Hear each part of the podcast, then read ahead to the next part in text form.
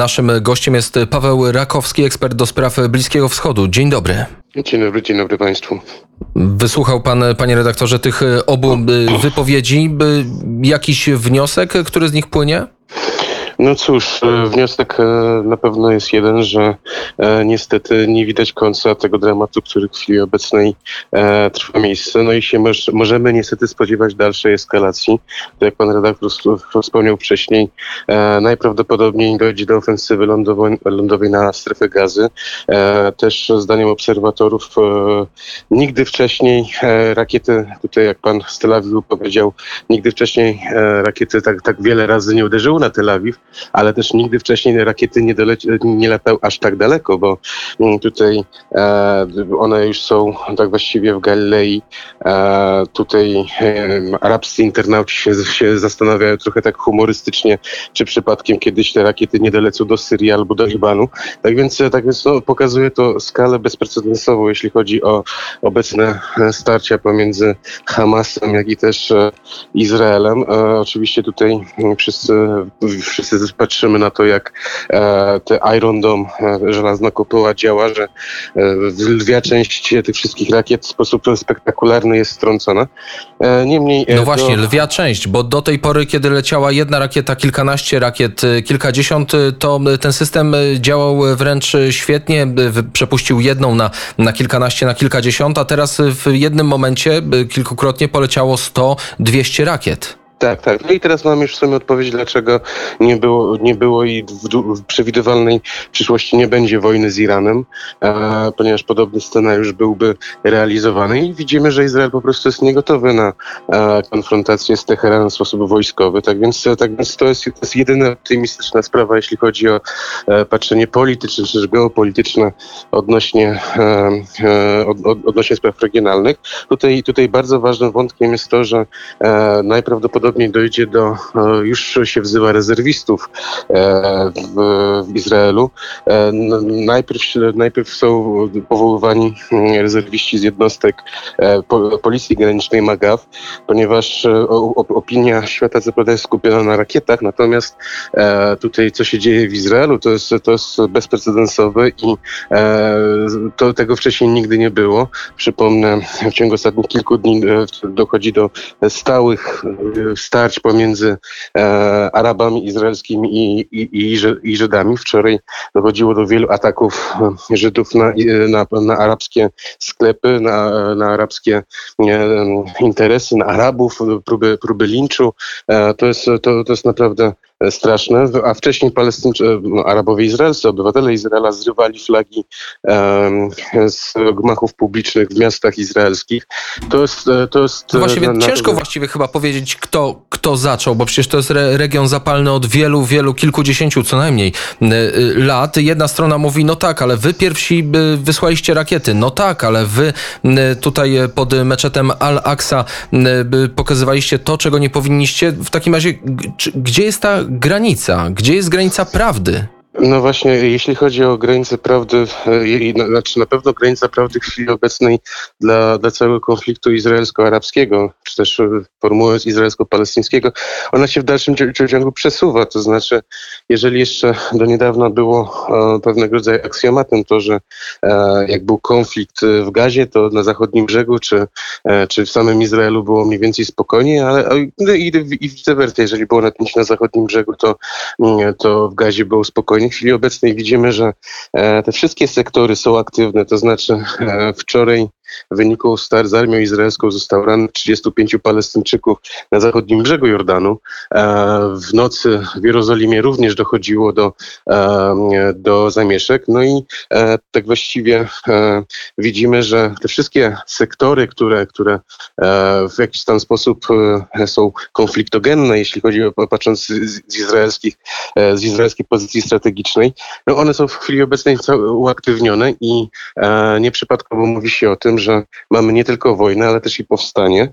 No i też, co, co jest bardzo ważne, rakiety z gazy, no one kiedyś tam miną, to znaczy e, kiedyś, kiedyś się, sytuacja na, na linii Hamas-Izrael uspokoi, natomiast e, starcia pomiędzy sąsiadami, pomiędzy, pomiędzy e, obywatelami tego samego państwa, to tworzą, tworzą zadrę, która już e, na wiele, wiele lat e, ona, ona pozostanie, tym bardziej, że e, dla wielu Żydów, e, wielu Żydom się wydawało, że integracja arabskich obywateli Izraela no, jest w pewien sposób czymś oczywistym i czymś, e, czymś, czymś naturalnym.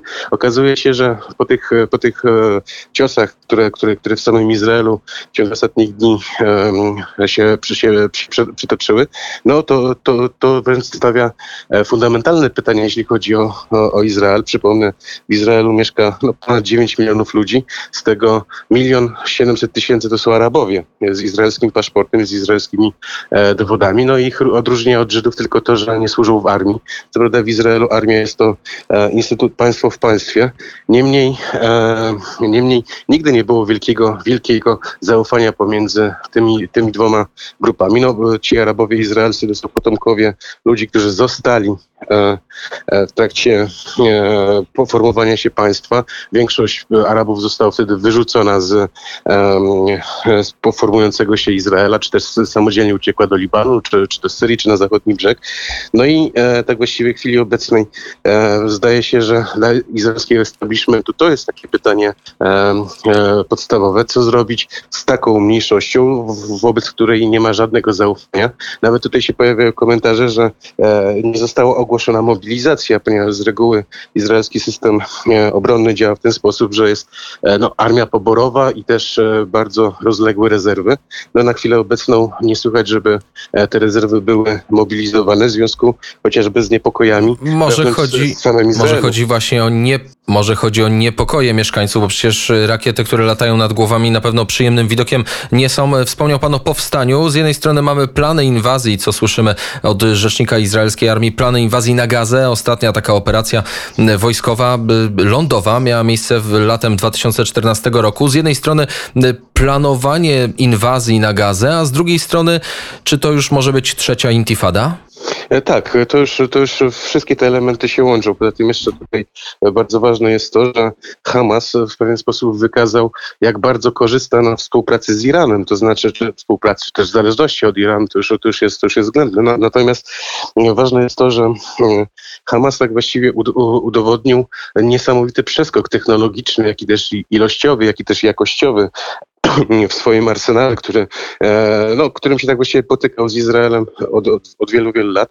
Natomiast jeśli chodzi o ofensywę lądową, to nas czeka najgorsze z możliwych. To znaczy e, Gaza jest no, dwa miliony ludzi, tak właściwie ściśniętych, Ściśniętych e, na małym obszarze. pasku, na małym pasku było jeszcze i z jednej strony pustynia, z drugiej strony morze. E, To powoduje to, że straty ludzkie wśród palestyńskich cywilów są po prostu nieuniknione.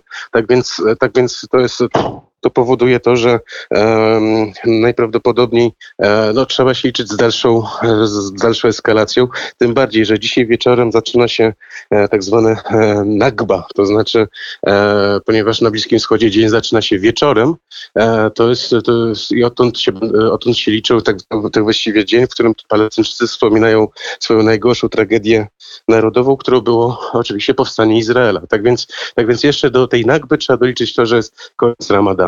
Trzydniowe święto, e, trzydniowe święto tych- Eid, który, który, które, które no, powoduje pewnego rodzaju naturalne e, skłonność do zbiegowisk. Wróćmy jeszcze, mamy ostatnie dwie minuty do tych y, ataków y, rakietowych, y, bo y, do tej pory y, przez ostatnie lata słyszeliśmy o Hamasie, o tych rakietach wystrzeliwanych. One zazwyczaj miały dosyć krótki zasięg.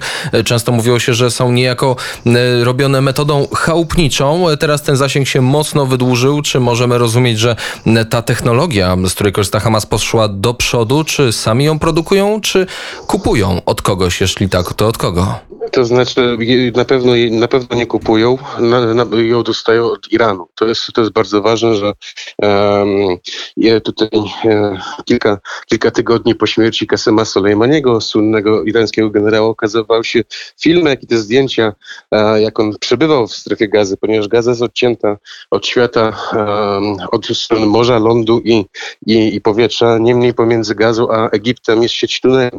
I właśnie e, przez tą sieć tuneli e, no, komponenty, które później są składane e, do tych e, i tworzy, tworzy się z tego arsenał rakietowy, jest przemycany. To jest, e, to jest e, tak właśnie jedna z tych e, przyczyn, e, kiedy dlaczego to Izrael poluje na te tunele, ponieważ e, pomijając oczywiście żywność, jak i też inne, inne najbardziej potrzebne towary wciąż deficytowej strefie gazy, to też przechodzi tam, tam, tamtędy broń. No i też jeszcze trzeba wziąć pod uwagę analogię do Jemenu, to znaczy e, widzimy, że Gaza tak właściwie staje się dla Izraela takim Jemenem, jak, jak, jak e, bojownicy Huti, którzy męczą Arabię Saudyjską. No, analogicznie widzimy, że to samo się dzieje e, na linii Izrael-Hamas. E, No też e, bardzo ważne jest to, że izraelscy planiści będą musieli przemyśleć kilka spraw, to znaczy widzimy, że jak jest bardzo duży ostrzał rakietowy, to e, jakoś, jakiś, jak, jakiś procent tych rakiet jednak dolatuje do celu. No i trzeba wziąć pod uwagę to, że Izrael jest bardzo małym krajem i e, jedna, dwie rakiety w bardzo newralgiczne miejsce, jakim jest chociażby reaktor atomowy, czy, e, czy też skład azotów, no, może spowodować tragedię o niewyobraż- niewy- niewyobrażalnym obliczu. I tu postawimy trzy kropki. Dziękuję serdecznie za rozmowę. Paweł, e, e, Paweł Rakowski, ekspert do spraw Bliskiego Wschodu, był gościem Kuriera w Samą Południe. Dziękuję i do usłyszenia. Dziękuję bardzo.